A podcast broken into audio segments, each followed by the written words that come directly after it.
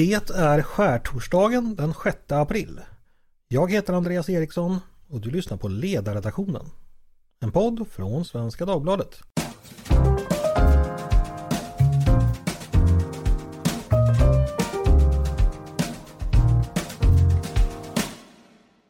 Den heta och onda sommaren 1719 var Storpelle på ejdjakt ute bland skären tillsammans med sin dräng.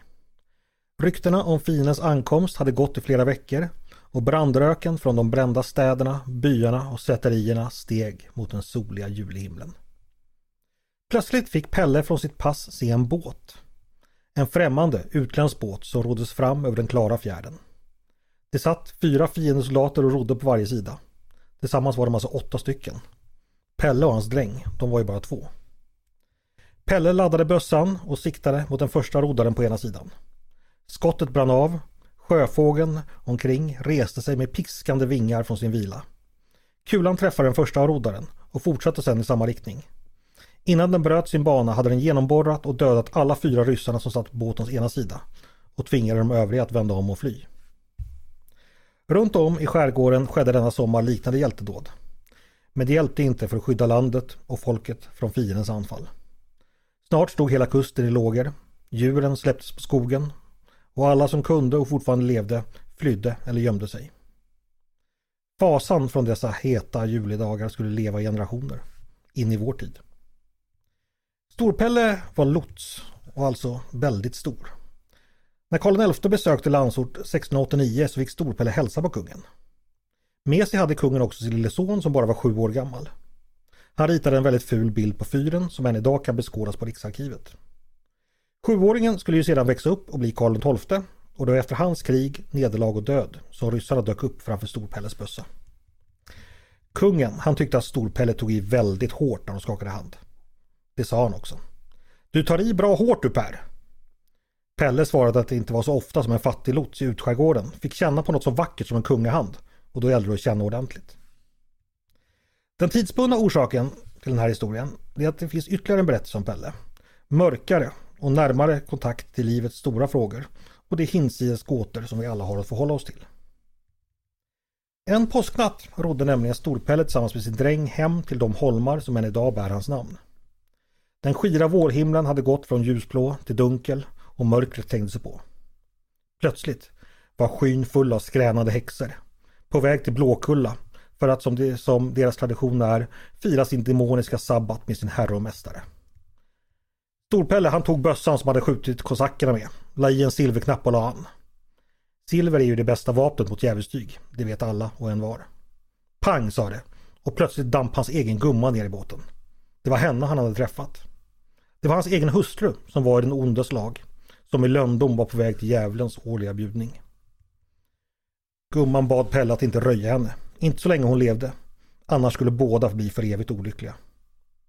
Det löftet höll han. Och inte förrän hon var död och återförenas med sin sanna herre berättade han historien vidare. Eller kanske så var det drängen som gjorde det. Känt för oss i eftervärlden blev den i alla fall. Jag och barnen var på Storpelles holme förra sommaren. Vi tänkte leta tomtningar och husgrunder och andra rester efter Storpelle.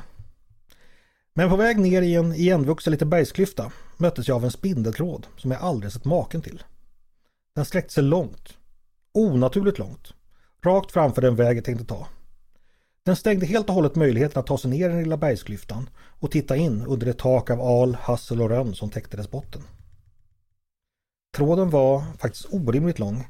Den spann över ett avstånd ingen spindel kan klättra, hoppa, fira sig eller på annat sätt röra sig och den hindrade helt mina möjligheter att komma framåt. Jag hade givetvis kunnat krypa under den. Eller med ett finger bryta dess spann. Men jag bestämde mig för att inte göra det. Jag vände istället. För trots att jag hade den varma julisolen i nacken och havet låg blankt som en silverbricka mot horisonten kände jag hur det ilade i både nacken och ljumskarna och det sög i magen. Jag tänkte på Storpelle och jag tänkte på hans gumma. Trots att jag hörde mina barns glada skratt bara några tiotal meter bort när de själva utforskade ön. Trots att jag ändå hade fartvinden från båtresan i håret. Trots att de bräckta stänket från det senaste badet fortfarande torkade min hud. Kände jag med hela mitt väsen att här går jag inte framåt. Här går jag inte vidare. Det där är ingen vanlig spindeltråd. Den finns där av en anledning. Den har ett tydligt meddelande till mig.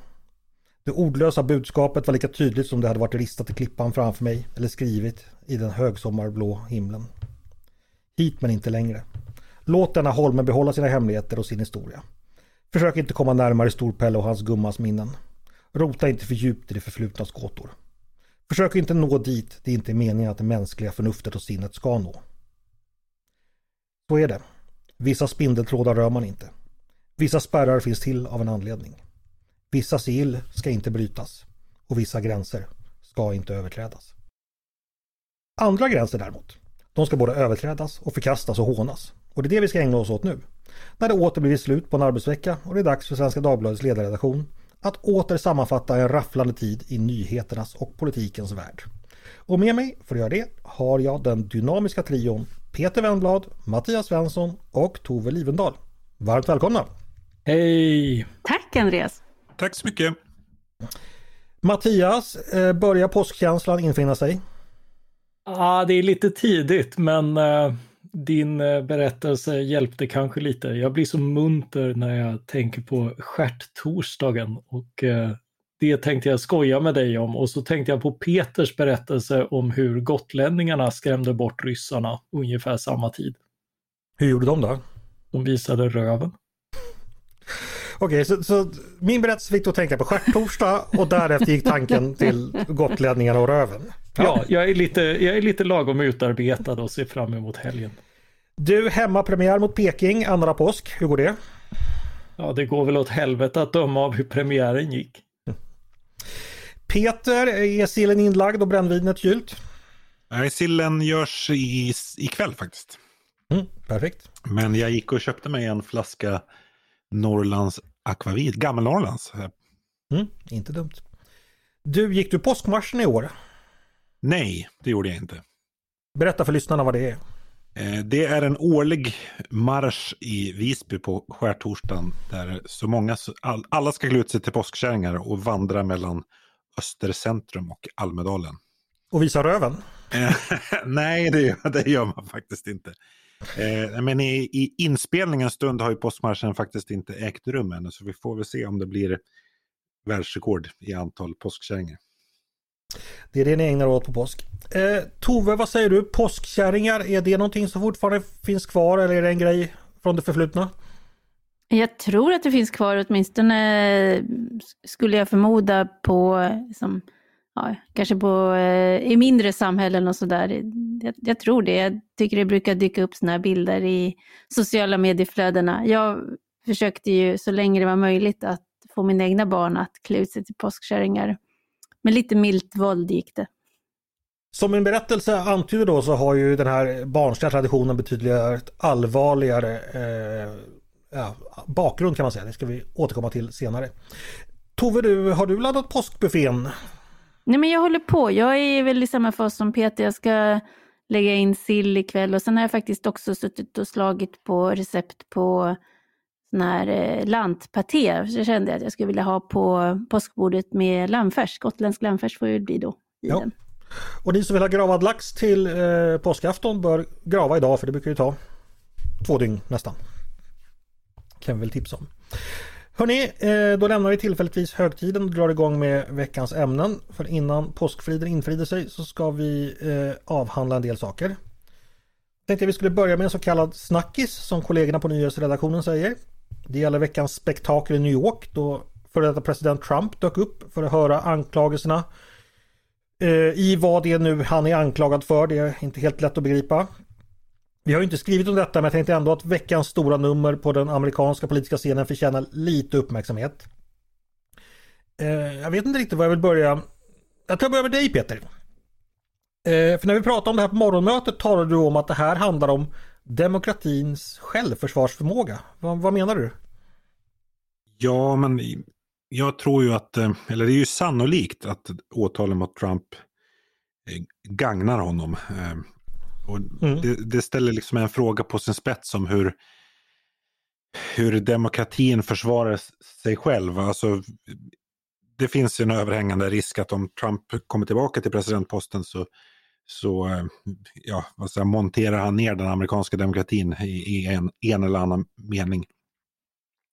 Men här är det ju liksom den amerikanska demokratin som är, är i arbete genom det här åtalet. Alltså han, eh, det har ju åklagaren tryckt på också, det här är ingen, alla är lika inför, inför lagen eh, oavsett hur rik eller mäktig man är. Eh, men samtidigt som man har en, en väljarkår, som, en stor del av väljarkåren som inte vad säger, uppskattar den här demokratin är i arbete, så, så då, då blir det svårt för demokratin att försvara sig själv. Rättsväsendet kan ju inte strunta i Kahn bara för att det riskerar att gynna honom. Nej, det är, exakt. Det är väl så det går ut på. Nej, och rättsväsendet kan inte strunta i honom även om det eh, kanske vad ska säga, undergräver eh, demokratins långsiktiga överlevnadsförmåga. Mm. Mattias, eh, du som är juridiskt skolad, kan du förklara oss, för oss vad, vad, vad går det här åtalet egentligen ut på? Eh, nej, jag är ju för det första inte juridiskt skolad, men eh, Autodidakt, det, det har också, eh, jag har också noterat att det, det, går inte bara mig utan de flesta förbi vad det här åtalet handlar om. Det, det tog många artiklar att klura ut att det är någon slags bokföringsbrott. Eh, för det smaskiga är ju att det, det handlar om en eh, sexstjärna och eh, som, som tystats för att inte prata om en eh, sexuell förbindelse som ska ha förekommit. Eh, och eh, det borde ju förstå, jag har svårt att se vad som är det brottsliga i detta, vad som borde vara brottsligt i detta. Eh, och samtidigt så är det svårt att inte tänka på att eh, tänka på det här som någon sorts eh, hämnd för hur Bill Clinton fick löpa gatlopp för, eh, för sina affärer i eh, ovala rummet eh, på, på 90-talet när, när eh, Republikanerna gjorde någon sorts principsak av, av hans mycket snaskiga förbindelse med Monica Lewinsky. Men bokföringsbrott, för, för nu ska jag citera morgonmötet igen. Du sa så här att det här är någonting sånt där som Mårten Schultz älskar men ingen annan fattar någonting av. Eh, Mårten Schultz då vår juridiska expert på, på tidningen. Var kommer bokföringsbrotten in? Har han inte bokfört sina, sina mutor ordentligt eller vad är det det handlar om? Ja, det, det, ska du inte fråga mig om, men, men det verkar liksom vara ett sånt här, eh, jag hörde på Reasons podcast och de diskuterade, de är kanske inte heller juridiskt skolade, men enligt dem, eh, de hade då läst någon genomgång som hyllade det här som eh, för just att ingen vet egentligen om de här lagarna kan användas så här eller hur och det tyckte man var väldigt modigt och progressivt och nyskapande att, att, eh, att lagar kunde användas på nya och oväntade sätt. Och jag tycker att det, det låter liksom verkligen som ett, ett recept för att göra världen otrygg och att det här är liksom precis som det här är helt rätt konflikt för Trump så, så verkar det vara helt fel konflikt för rättssamhället att ta. Du, du har svårt för den här kreativa laganvändningen där man hittar helt oväntade möjligheter att lagföra folk med lagar alltså? Eh, ja, det är verkligen motsatsen till, till lagstyre. Det är ju att vi ska kunna eh, ha, ha en hum, att det finns inte bara en, eh, en rimlighet och logik utan också förutsägbarhet i vilka lagar som gäller oss. Tove, när skriver vi vår nästa text om Trump? Eh, vi har den på söndag faktiskt och då Oj. har vi bett eh, Anders Åslund som är professor i internationell ekonomi och som också har en stor förankring i USA och har följt inte minst det republikanska partiet under lång tid eh, och bena lite i detta och ja, men det här ska man väl säga att det är ju flera tänkbara åtal som kan komma och följa på det här och de kan väl sammantaget komma att påverka verkligen presidentvalet av det skäl som vi varit inne på, att alla de här kan oavsett hur utgången blir så kan de, innefattar de ju en ganska stor mängd politiskt kapital. Och eh, här finns väl, det är väl som när vi har eh, ibland diskuterat de eh, de etablerade partiernas och eh, mediernas sätt att förhålla sig till nykomlingarna. Att eh, risken är att man tappar huvudet ifrån från eh, det traditionella hållet, när man liksom i iven att kunna få någonting. Så att man liksom bara skapar en situation där de här mer konspirationsmässiga teorierna verkligen kan få fog. Så att det här är, det är, det är en smet, men det här handlar precis som man sa om, om då att det, det ska förfalskats 34 affärsdokument, men sen kan det då komma Eh, dels det här med 6 januari eh, mm. med uppvigling, men sen också då frågan om eh, ett 30 år gammalt våldtäktsfall i New York och, ett, och försök till valfusk i Georgia som är också tänkbara åtal som kan komma.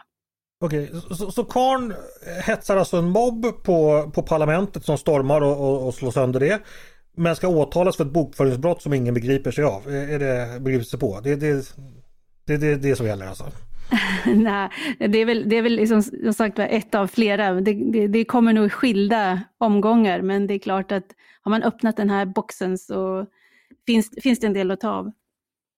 Det finns det. Eh, ja, jag vet inte om vi, nu har vi i alla fall då, då nämnt detta. Eh, ja, vi, vi, har väl lite åsikter om det, eller Peter redogjorde för våra åsikter där, att vi, vi är inga stora Trump-fans på, på, på sidan och eh, vi tror väl inte det skulle vara så bra ifall han gör comeback i Vita huset.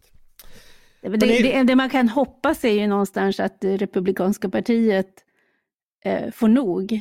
Mm. Och, och, att man inte heller väljer någon typ av liksom, blek kopia av honom att efterträda som företrädare, utan att man hittar någonting annat. Mm. Kanske vi får arga mejl från folk som tycker att Trump är, är fantastiskt. Eh, ja, det får man förstås skriva om ni tycker, tycker det. Hörrni, vi går vidare från en sjukdom till en annan och då tänker vi ska prata om det politiska bokslutet över pandemin. Eh, Peter, du har ju varit igång och skrivit om detta i veckan. Eh, min första fråga är egentligen varför skriver en ledarsida som bevakar dagsutvecklingen om pandemin så här tre år efteråt? Varför är det relevant? Ja, det, det var väl just lite grann för att uppmärksamma års, det är inte årsdagen, men vad ska jag säga, pandemin nådde ju något slags, eller den första vågen nådde ju något slags crescendo under påsken 2020. Men sen var det också med anledning av en ny forskningsrapport från SNS eh, där man har intervjuat personal från ett antal äldreboenden om deras erfarenheter. Mm. Eh, för, för rubben är ju då, eh, vi får aldrig glömma sveket mot de äldre. Definiera sveket. Ganska enkelt. Den svenska strategin sades vara att begränsa smittspridningen för att skydda de äldre. Men smittspridningen begränsades i ganska liten omfattning och de äldre skyddades inte. Det var väldigt många som dog. Eh, av de som dog i de första två vågorna som var i runda slängar hälften på, eh, bodde på särskilt boende, alltså var inom äldreomsorgen och även en stor del inom hemtjänsten. Så att vi, vi misslyckades kort och gott med det som vi hade satt upp som mål att försöka åstadkomma.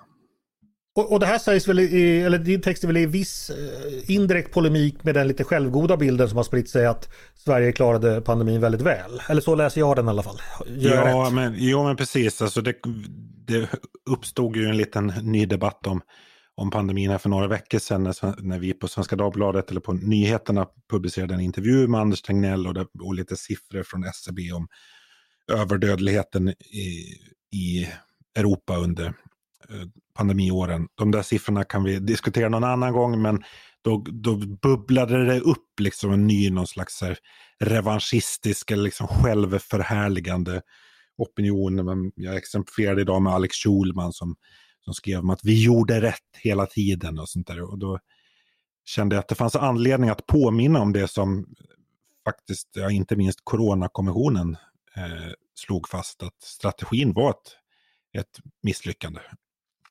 Men vad stod det i SNS-rapporten då? Vems fel var det att så många äldre dog? Ja, SNS-rapporten rörde sig inte så mycket kring det, men, utan det var mer just personalens erfarenheter. Men, och det var ganska drabbande läsning att få inblick i liksom hur ja, rädslan, dödsångesten, maktlösheten som fanns på de här eh, äldreboendena och det som också framträdde ganska tydligt tyckte jag var vad säger, vikten av tid. Alltså de äldreboenden där smittan kom in tidigt som ett resultat av omfattande samhällsspridning som Coronakommissionen slog fast. Så hade man ingen beredskap för att eh, hantera det. Man visste ingenting om viruset, man visste inte hur man skulle hantera det, man hade inte personal. Alltså det fick mer eller mindre fritt spelrum. En undersköterska beskrev det som en skräckfilm där, där människor dog på eh, löpande band. Medan de äldreboenden där smittan, där man lyckades fördröja, eh, så då hade man mer kunskap, man hade liksom förstått eh, bättre hur man skulle hantera hur viruset fungerade, vilka behandlingar man kunde sätta in. Jo, jag, jag tittade också lite i rapporten och det var ju då eh, en del ganska eh, hemska eh, vittnesmål helt enkelt. Jag tillhör ju då, nu är min åsikt i sammanhanget ointressant, men, men tycker jag är de som målar ljusa färger här. Jag tycker ju Sverige klarade det här provet väl. Tove, vad, vad säger du? Eh, håller vi på att få en alltför positiv historieskrivning? Behöver den förmörkas lite?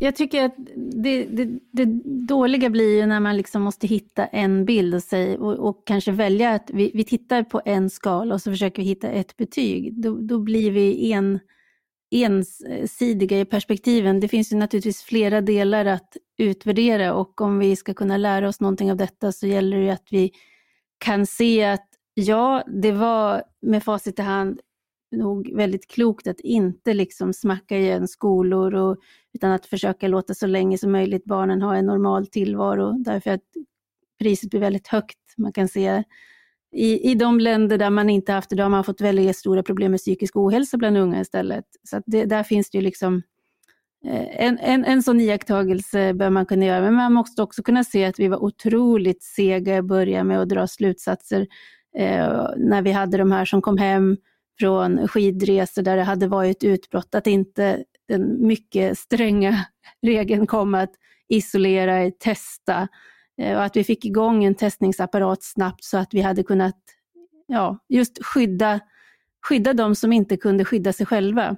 Så jag tycker det är, jag värjer mig mot det här med att man måste fastslå att vi får betyget si och så på en skala därför att det är många skalor vi behöver utvärdera på. Det där svarar ju alltid en folkpartist när man tycker någonting. Så säger de nej det är inte svart eller vitt. Mm, ibland, det kan hända att det folkpartistiska perspektivet äger riktighet. Det händer inte ofta men det finns tillfällen då och det här är väl ett sånt då. Mattias, du, du då? Du är väl med mig? Den svenska pandemihanteringen var det bästa sedan skivat bröd? Uh, ja, jämför, jämfört med många andra länder så, så var den ju definitivt det. Uh, men, men Peters perspektiv då? Eh, ja, men jag tycker att det är en välkommen komplettering. Alltså saker här, en, en del saker är vita eh, och en del saker är svarta och inte bara grå. Ut. Och, eh, och just hur äldre drabbade, det har ju även Anders Tegnell varit inne på, att, att det, eh, det är ju svart. Eh, det är ett mörkt kapitel i Sveriges historia, människor dog eh, och eh, man, det, det fanns förmodligen saker man borde ha gjort annorlunda. Att, att saker går fel i ett sånt här läge, det, det, är oundvikligt och det här var en av de saker som gick fel. Och om vi inte lär oss av det så, så, så, så, gör vi ju fel igen, liksom, in, inklusive fel mot de människor som, eh, som, eh, som dog. Eh, så, så jag tycker det är viktigt att, att, att ta upp, men, men eh, sen i, i den stora bilden av, av hur vi hanterade pandemin jämfört med andra länder som liksom stängde ner hela samhällen, skickade poliser på hederligt folk för, för att de gjorde fullt ofarliga och vardagliga ja, aktiviteter. På, på, på Christer Thelin? ja, det också kanske. Mm. Det är mer än jag känner till. Nej men han berättade ju att han fick visa upp eh, någon, någon, lapp när han var ute och gick för att eh, han tog sin... Man, man fick ju motionera eller vad det var eller sånt där. Då fick man, var man tvungen att ha något intyg som visade att man motionerade. Ja och ja. dessutom så gick de ut i sällskap om tre och de fick bara vara två tror jag. Ja. De gick Precis. ute på stranden. Mm. Precis, och då trålade bängen. Förlåt Mattias, jag, jag avbröt dig. Ja, jo men det var, det var ju den typen av, och, och, i många fall var det löjligt, men det var också väldigt tragiskt i sådana här sammanhang. Det är ju människor som har dömts, inte minst i Storbritannien, till groteska straff för att de utomhus och med väldigt stor ömhet och försiktighet tagit farväl av, av några av de här som, eh, som dog under pandemin. Eh, och eh, Eh, därför att det var oerhört rigida regler och, och, och, det är ju dessutom ännu mer infekterat när man vet att när det kommit fram att eh, de styrande själva varken tog de här reglerna på allvar eller respekterade dem själva. Får jag, får jag bara säga också att vi kommer ju att få fler siffror som där vi försöker fastslå då, oh, men hur lyckades vi? Som också blir, och det, det är här liksom, nu har vi ju, ett tag så var det väl absolut, det kan man tillstå att bara att se till antal döda, det tar ju inte, det tar ju inte hänsyn då till effekterna av att till exempel stänga ner och att folk förlorar sina livsverk och all, alla de kostnaderna som kanske, där man kan möjligen se förkortad livslängd på, på lite sikt. Så det håller jag med om att det, det blir fel om man bara fokuserar på en siffra, men nu var ju också Folkhälsomyndighetens dagliga presskonferens ett tag väldigt mycket uppbyggd på detta.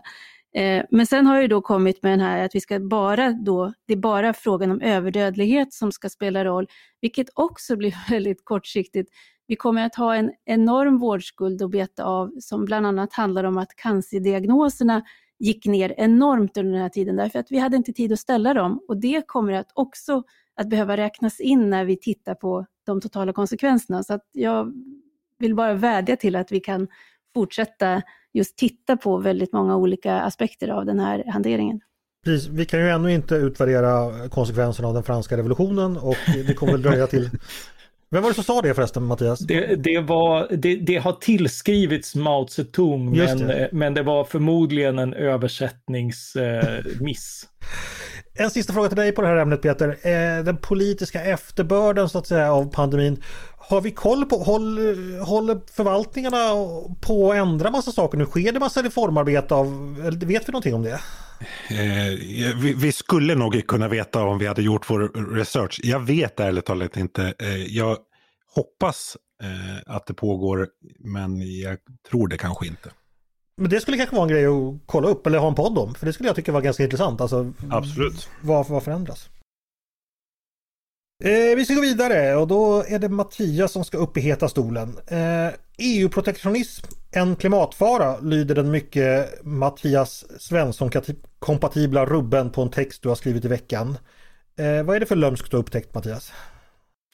Eh, ja, det är ju helt enkelt EUs eh, framhastade respons på eh, att, att USA, den här IRA, eh, Inflation Reduction Act, som i själva verket handlar om en massa subventioner till utvalda gröna industrier.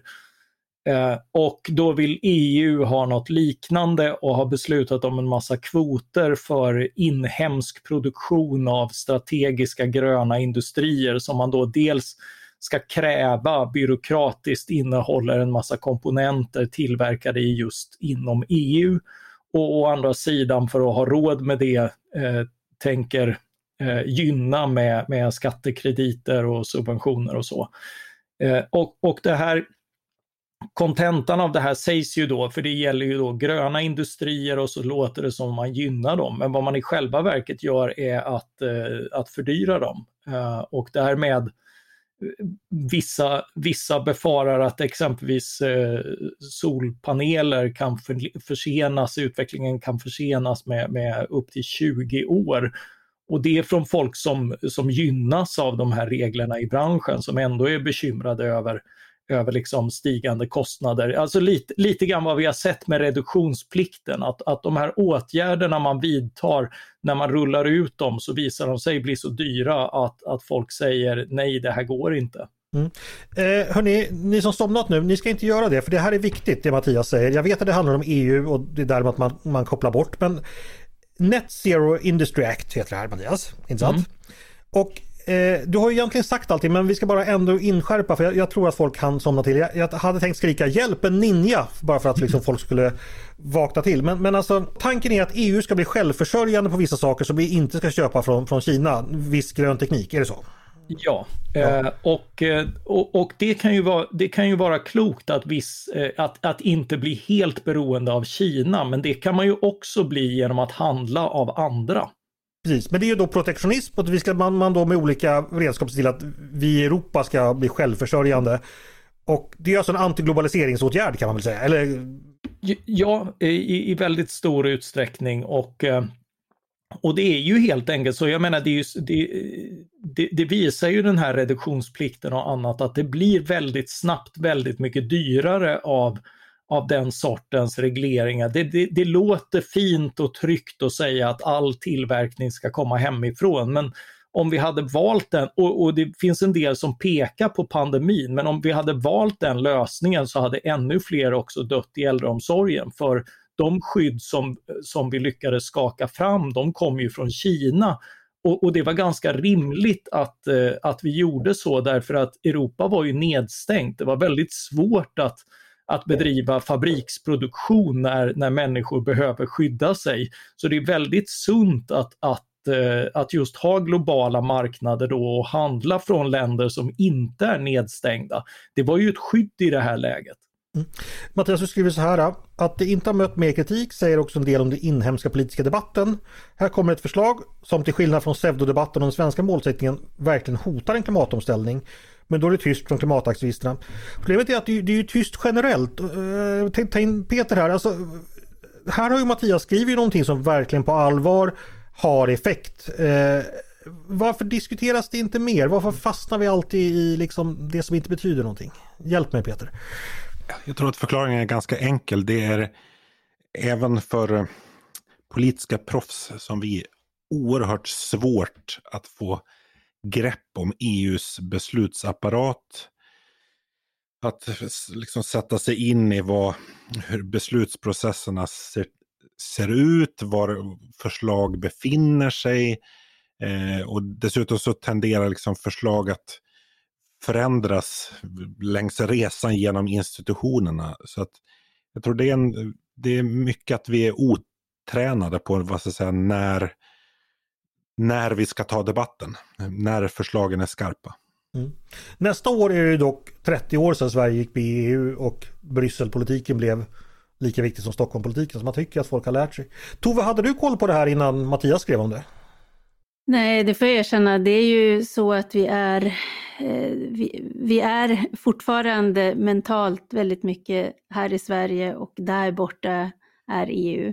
Utan att se liksom hela delen. Och det är väl det som gör att vi nu blir det är flera områden där vi på något sätt har blivit lite tagna på sängen, att processen har gått på i Bryssel och vi har inte riktigt varit där mentalt, vi har inte riktigt sett till att mm, liksom, vara medaktörer. Men om jag också får lägga till en sak apropå vad som saknas i debatten så är det ju det här också med att eh, vi accepterar att så fort, att vi har liksom det här fokus på dagsaktualiteterna. Och det, är ju, det, med, det, det bidrar vi till själva också. Medierna är ju en stor del av detta, så vi kan ibland säga vad är det liksom som fladdrar i folks gardin idag? Vad är det, vart är vi någonstans? Och sen mm. går vi vidare. Och det är ju då om jag nu får replikera på ditt lilla påhopp här senast, det är som man skulle säga att men 1792, då är vi klara med franska revolutionen, nu har vi lärt oss allt vi kan av den, nu går vi vidare. Och det är lite grann så vi är idag, att vi är så trötta på saker när de har hållit på ett litet tag, att vi orkar liksom aldrig vare sig tänka i förväg, för att då blir vi ofta, det, det har ju Mauricio Rojas sagt, det är en dödssynd i Sverige att vara före sin tid. Det ligger lite i det, man är helt ointresserad då. Men också att släpa efter med någonting där alla har gått vidare. Så att vi blir ju så himla kortsiktiga tycker jag i, i debatten. Jag tror att det Mattias, eh, det verkar vara då Tove och Mao mot mig. Eh, vad, vad tänker du? Oh, jag, ska, jag vet inte om jag ska fråga om det... Eller är vi, är vi uttömda om det här med Net Zero Industry Act? Eller fanns det något mer att berätta om det förresten? Eh, nej men det, det bereds just nu. Alltså, eh, för närvarande så, så eh, har svenska remissinstanser möjlighet att titta på det och sen ska regeringen ge besked för de har inte sagt flaska om det här. Men, men vi vet ju att den här regeringen tyvärr är benägen att svälja väldigt mycket idioti från Bryssel. Eh, bara, bara inte bara därifrån? Veckan bara i förra veckan så, så svaldes chat control som är, som är liksom ett, eh, ett oerhört långtgående och illa designat förslag eh, som Gunnar Strömmer obekymrat viftat igenom, vilket jag är oerhört besviken på. Och det har inte kommit några indikationer på, på att Sverige försöker eh, stoppa det här. Så man får hoppas att det bakom kulisserna sker ett jobb för att urvattna det så mycket som möjligt. De här kvoterna går ju att, eh, att sänka snarare än höja så att de blir meningslösa snarare än skadliga. Men, men, men det är ju inte bra och, och det skadar ju liksom Alltså det skadar både klimatarbetet, EUs eh, energiberedskap och, eh, och våra ekonomier. Det är ju talande att folk sitter och sliter med effekterna av höga priser i allmänhet och höga elpriser i synnerhet. Och det här är ett förslag som ökar ökar kostnaderna för att bygga ut grön el. Vad är det för tidsperspektiv på det här? Eh, det, det, ska, det är målsättningar fram till 2030 så precis som med de här andra målsättningarna vi sitter så är det beslut som är aktuella ganska omgående för det är ju tröga processer vad man ska investera i och vad man vågar satsa på och inte satsa på och liknande. Och risken är att hela det här vad man satsar på inte blir helt beroende av vad politiker stödjer eller inte snarare än vad som är eh, effektivt, billigt och bra på marknaden. Mm. Okay. Jag ska ge dig ett litet, litet tips Andreas. Eh, mm. Eh, apropå om du vill verka insatt i de här EU-diskussionerna. Så jag, du använde termen eh, protektionism. Men mm. i EU-diskussionen så heter det strategisk autonomi. Mm. Mycket bra, mycket bra eh, Peter, för jag ska ju försöka infiltrera de här kretsarna och jag vill inte bli påkommen omedelbart som, som någon utomstående. Strategisk autonomi. Ja, newspeak eh, förekommer ofta. Ja, hörni, vi går vidare. Eh, vi går in i en långhelg nu. Fyra dagar ledigt med två papperslösa dagar dessutom. Imorgon fredag och på måndag. Men Tove, ledarsidan rullar på digitalt som vanligt. Den tar aldrig ledigt. Nej, och Nej. ESVD läser man också varje dag förstås. Absolut. Mm. Det gör man. Det finns ju ganska många, det blir allt fler som hittar in i den formen. Man får den här formgivna tidningen. Och vad kan du avslöja någonting om vad vi bjuder på för läsning under påsken? Mm, det ska jag gärna göra. Imorgon till exempel så skriver Paulina Neuding, som jag kommer tillbaka denna vecka, eh, om eh, de kravaller som eh, verkligen härjade Sverige för ett år sedan under påsktiden. Eh, och eh, koranbränningskravallerna som hon argumenterar för att de bör kallas därför att de har ju med koranbränning att göra och egentligen inget med påsk annat än att majoritetssamhället var upptagna med att, att fira påsk då.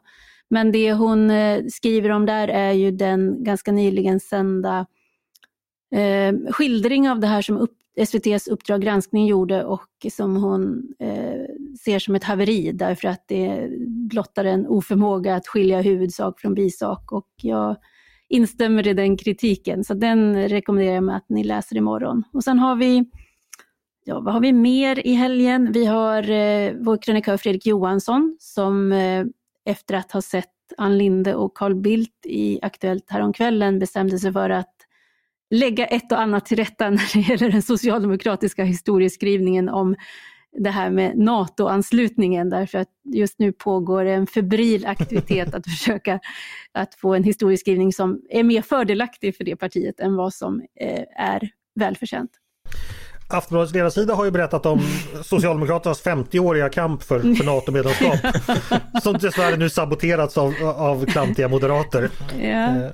Den har skett i skymundan då kan man säga. det, det, är möjligt men, men den har skett i alla fall. Den har varit så. Ja men okej, då, då eh, just det, jag ska också säga angående Paulina Neuding. Jag, jag utlovar väl halvt och halvt hennes eh, comeback i podden den här, redan den här veckan. Men, men hon är, är, på resa idag så att eh, jag hoppas att hon kommer tillbaks nästa fredag. Eh, och ja, då ska hon nog vara här och då kan hon ju kanske prata koranbränningar och annat. Eh, jag tror hon dessutom vill skriva om eh, skrivstil och sånt i framtiden också. Så det, det finns mycket där. Hörni, eh, hög tid att gå vidare. Eh, jag tänkte nämna det här lite med eh, svar på tal som jag kallat det. Det är ju det här med läsarreaktioner. Ni får jättegärna skriva till oss. Dels ris eller ros vad, och så och vad vi ska ta upp. Men då, ni kan också då skriva och om ni har frågor till, till ledarskribenterna. Om ni har en ideologisk knäckfråga ni går och grunnar på så står vi till förfogande. Mattias med sin, sitt obändigt dogmatiskt klassiska liberala hjärta. Peter med sin likaledes slut, slukt beräknande pragmatiska hjärna. Och Tove står för vidsyntheten, överblicken och en slags eh, kroppen i denna obundet moderata anatomi. Eh, själv är jag blott dess tunga, eh, men med en tunga kan man försätta världen i brand. Hörni, vi ska gå vidare. Och tack jättemycket förresten till dig som hörde av er och berättade om eh, dina erfarenheter från eh, Tirpitz, det här slagskeppet vi, vi nämnde förra veckan och den Lancaster-bombare som eh, var med och bombade sönder Tirpitz och sen störtade i Lappland. Det var en fantastisk historia. Eh, men vi ska gå vidare. Det är dags för ett av mina favoritmoment. Det heter Svar direkt då vi stresstestar våra ledarskribenters politiska reflexer och förmåga att blixtsnabbt skilja gott från ont. Det går helt enkelt till så att jag likt en tackling från Jens Öling eh, skickar på mina kollegor ett antal nyligen lagda eller fattade politiska förslag eller beslut som de omedelbart ska tycka något om. Och inte bara tycka i största allmänhet utan säga ja eller nej och det ska ske mycket snabbt. Helt enkelt svar direkt. Är ni redo? Ja. Ja. I onsdags, igår, presenterade Tidöpartierna nya förslag på det brottsbekämpande området. Släpp fångarna loss, det är vår, var budskapet. Nej, jag bara skojar. Eh, det handlar om repression förstås. Bland annat eh, förslag eh, Ja, det är en rad förslag. Jag ska, jag ska nämna dem eh, kort här bara. Under en förundersökning ska hemliga tvångsmedel få användas för att utreda flera brott vars samlade straffvärde överstiger en viss nivå. Brottskatalogerna ska utvidgas så att hemliga tvångsmedel ska användas för att utreda flera typer av brott. Tillstånd till hemlig rumsavlyftning och hemlig kameraövervakning ska kunna få knytas till en misstänkt person istället för till en viss plats. Överskottsinformation som har kommit fram vid hemliga tvångsmedel ska få användas även för andra ändamål. Alltså det är en rad olika förslag men jag skulle ändå vilja ha er övergripande bedömning om detta. Med förbehåll på att ni kan liksom vilja, är tveksamma eller vilja fundera på enstaka förslag. Är det här rätt väg att gå för att stoppa brottsligheten? Ja eller nej? Jag vill ha svar direkt. Ja. Nej. Ja, tyvärr. Mattias, går eh, Tidöpartierna och regeringen för långt nu? Eh, ja, och det tycker jag framgår av remissinstanserna som bland annat eh, påpekar att eh, det här nya befogenheter är inte den trånga sektorn utan, utan redan idag har man så mycket befogenheter att man inte har manskap och resurser att eh, eh, Eh, att, att använda dem. Eh, det finns helt enkelt inte mång tillräckligt många som rent tekniskt och praktiskt kan avdelas för att sitta och flukta och lyssna. Eh, och det är den trånga sektorn nu. Och, och, att då skaffa sig en massa nya befogenheter där man inte har sovrat alls utan, utan det är väldigt mycket, en del kan säkert behövas men det är ju lätt att se en byråkrati som tappar bort sig bland alla hötappar och därför blir mindre effektiv. Det har vi sett återkommande gånger under 2000-talet med de här massiva befogenheterna staten har, har gett sig att övervaka och sånt där, att det, det vanligaste som händer är att man tappar bort sig själv och, eh, och det bara blir en gigantisk byråkrati. Peter, varför svamlar Mattias? Nej, det gör han inte. Jag tycker att han har goda argument eh, för sin sak. Men som jag sa, tyvärr tror jag att det här är rätt väg med tanke på hur så här, djupt gängkriminaliteten har eh, ätit sig in i det svenska samhället. Finns det några förslag som är på gång som ni känner direkt att nej, men dit ska vi inte gå? Mattias har uppenbarligen redan, redan nått en gräns, men Tove, Tove och Peter, har, har ni funderat på det?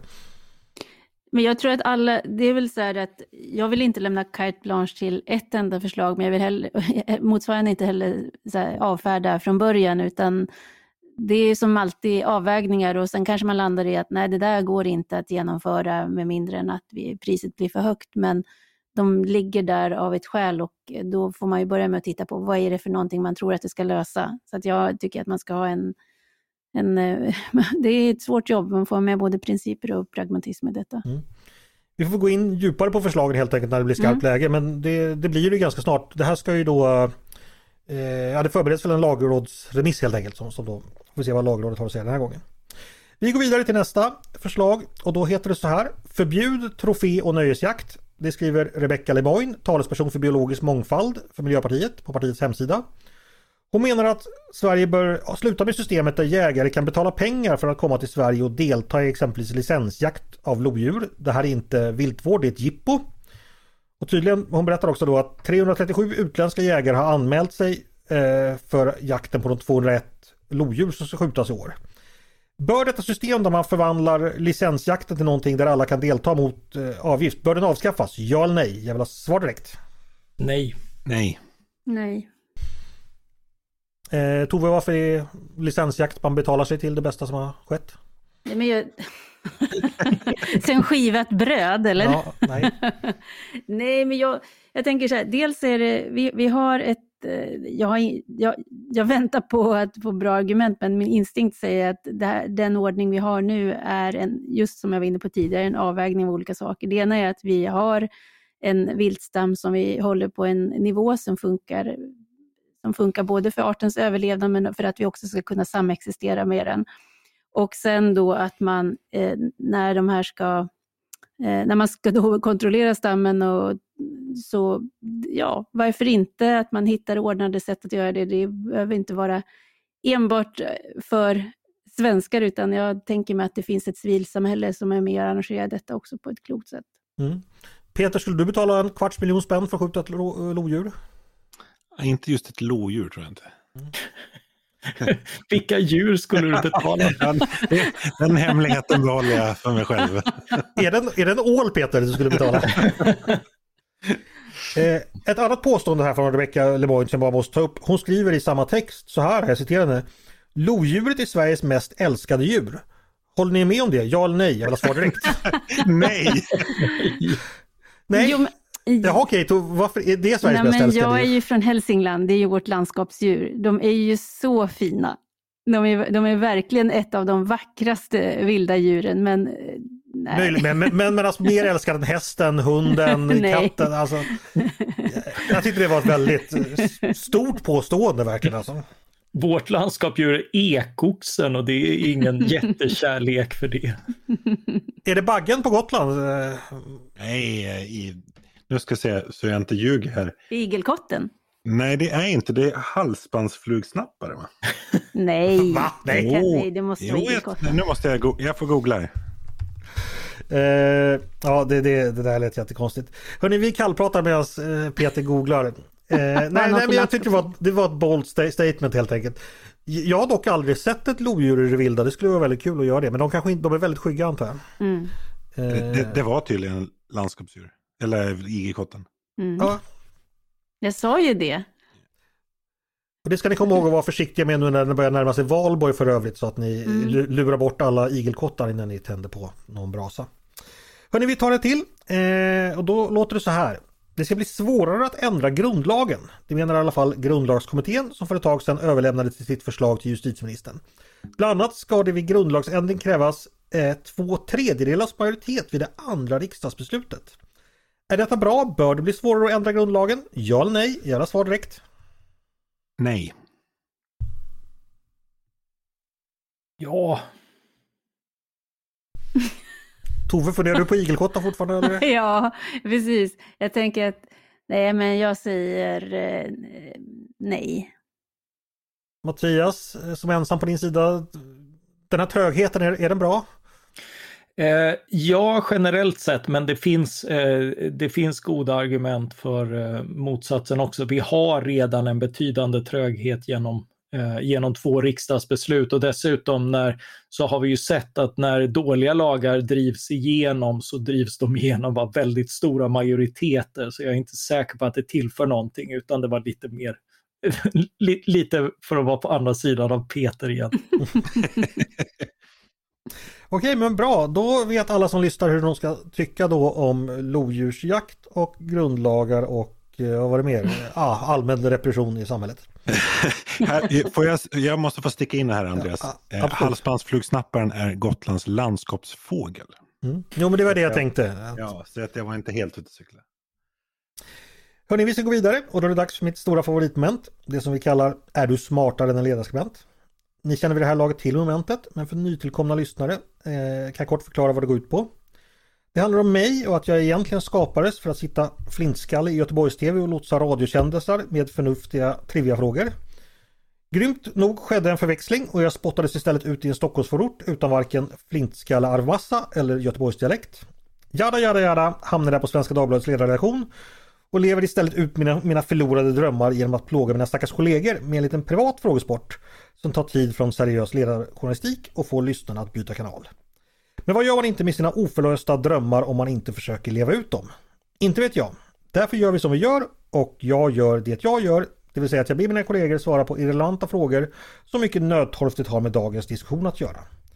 Ni som lyssnar kan också vara med och svara och svarar ni snabbare och rättare på mina frågor än vad Peter, Tove och Mattias gör. Då är ni helt enkelt smartare än just dessa ledarskribenter och då förtjänar ni verkligen allt påskgodis i världen.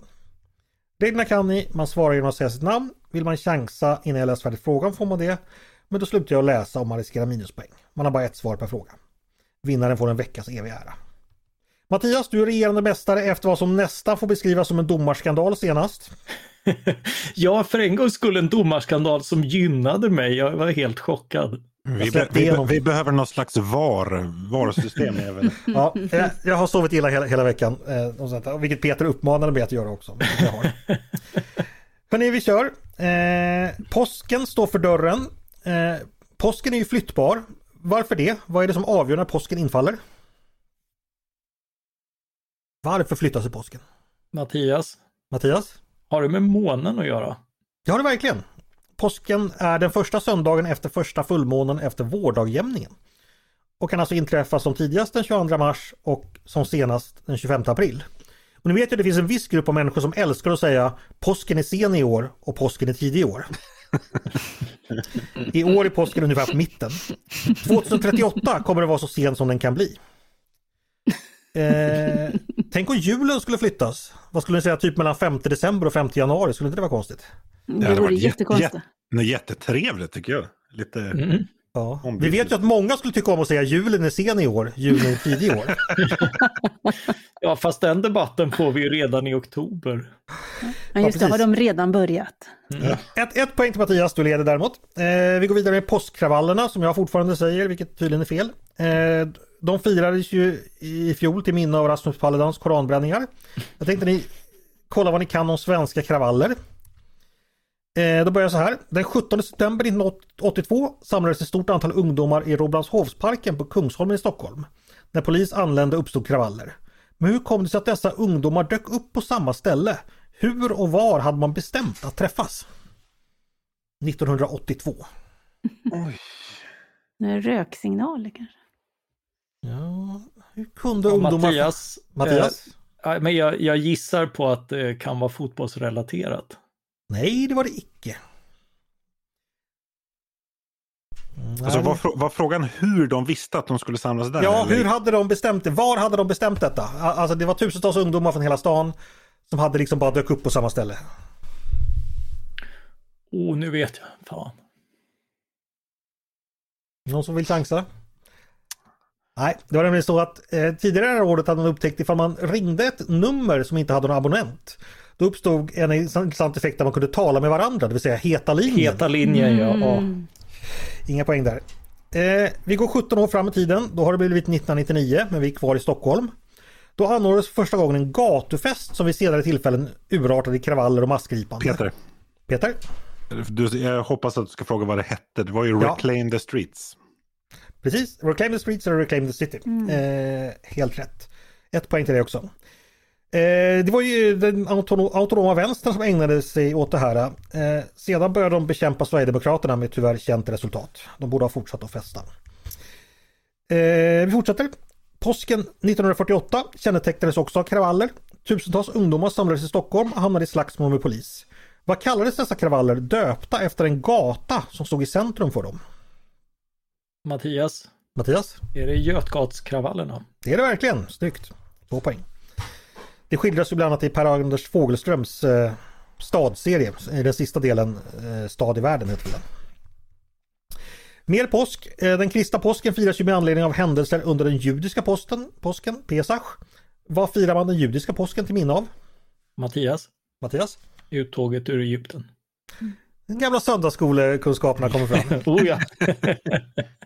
Tre poäng, ett poäng till Peter. En skildring av den judiska påsken och händelserna år 33 finner vi i Tim Rice och Andrew Lloyd Webbers fantastiska Jesus Christ Superstar. Där förekommer balladen I don't know how to love him i vilken en av personerna i historien sjunger. Vem är det som sjunger? Detta. Tove. Tove? Alltså karaktären? Ja, karaktären. Men de är ju två. Nej, det är en person, person som sjunger I don't know how to love him. Det är, det är Svetlana. Och sen är det ju det, det är en duett. Nej, men nu är det karaktärerna i Jesus Christ Superstar alltså. Mm. Var det någon i Bibeln som hette Svetlana? nej, nej, nej, i musikalen. Ja, ja, men nu menar jag, nu menar jag alltså person, vad heter personen i, i, i Bibeln? Alltså den... Aha. Eh, Maria Magdalena. Ja, helt rätt. Så, då lämnar vi... Svetlana Magdalena. Så Hennes okända syster. vilken bibelbok har Tove Sjung läst? Den här stackars prostituerade kvinnan Svetlana som Jesus tydligen tog sig an. Hörni, vi lämnar påsken. Eh, 3-1-1 står det. Vi har pratat lite om Trump också, så det kommer nog att fråga om denne man. Vad heter Donald Trumps hem i Palm Beach i Florida? Peter. Peter? eh, Mar-a-Lago. Det gör det verkligen. Två poäng.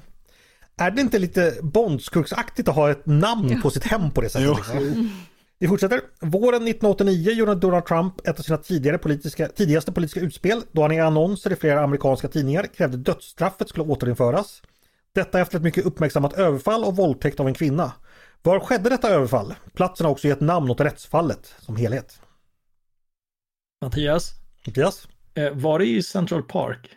Absolut. Central Park Jogger Case eller Central Park 5 som de kallades de som greps. Fyra poäng till dig, eh, två till Peter och en till Tove. Eh, Donald Trumps alma mater är ett mycket känt eh, business school i Pennsylvania där bland annat Jacob Wallenberg också har utbildat sig. Vad heter den? Höga, höga terminsavgifter kan jag berätta. Nej, ingen. Den heter Wharton. Wharton School of the University of Pennsylvania. Hörrni, eh, vi går vidare. Donald Trumps farfar, Friedrich Trump, han föddes i Bayern, flyttade som 16-åring till USA. Han tjänade pengar genom att driva bar och bordell under en mycket känd guldrush i slutet på 1800-talet. Eh, bland annat skildrad av Jack London och i Sverige kanske inte minst känd som den guldrush där farbror Joakim i Kalle Anka tjänade sina pengar. Var ägde denna guldrush rum Mattias. någonstans? Mattias? Eh, Kalifornien. Nej, det gjorde den inte. Du tänker på den 1850. Det här är slutet på 1800-talet. Ah, Peter. Peter? Alltså jag kan ju bara en guldröst och det är ju Klondike. det. Helt rätt, Klondike. Eller Yukon hade du fått rätt för också i USA och Kanada. Då är du upp på tre poäng va, Peter? Gött. Härligt. Eh, vi struntar i Trump och tar några avslutande postfrågor. Eh, till vilket land tillhör Påskön?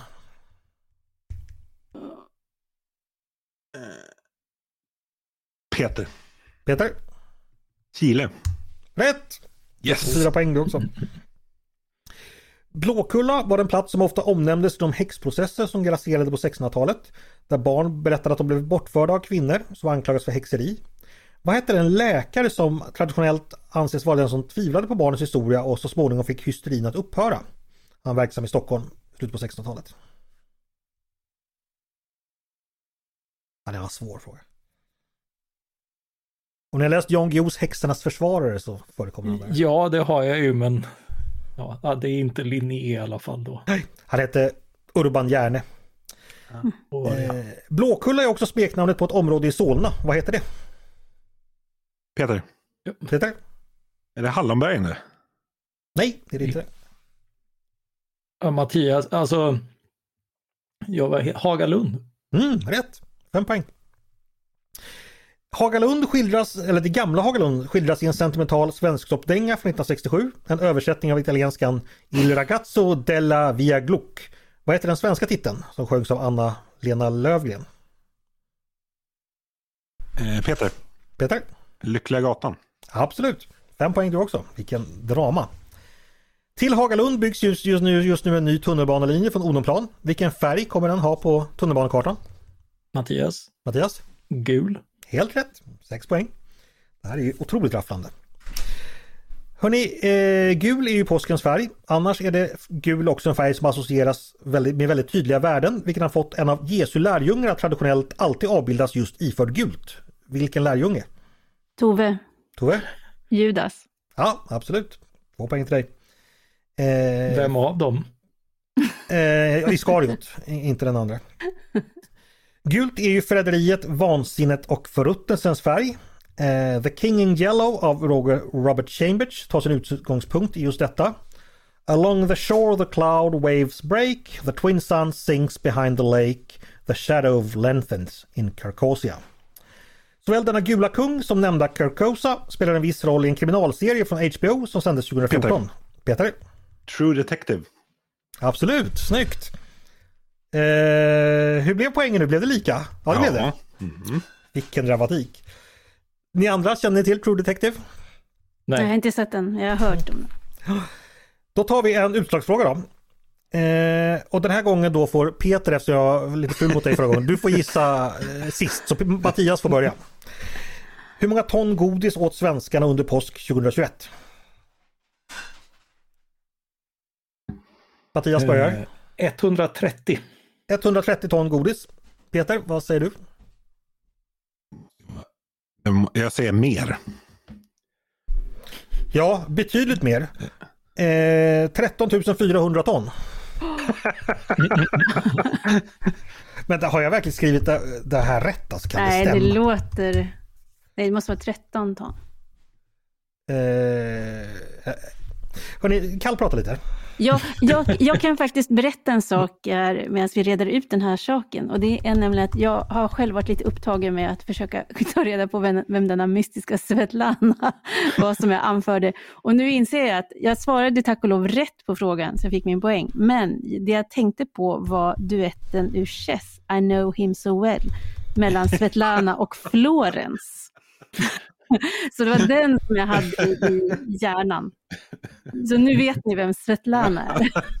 Svetlana Va, Magdalena. va, vad säger din VAR-granskning Andreas?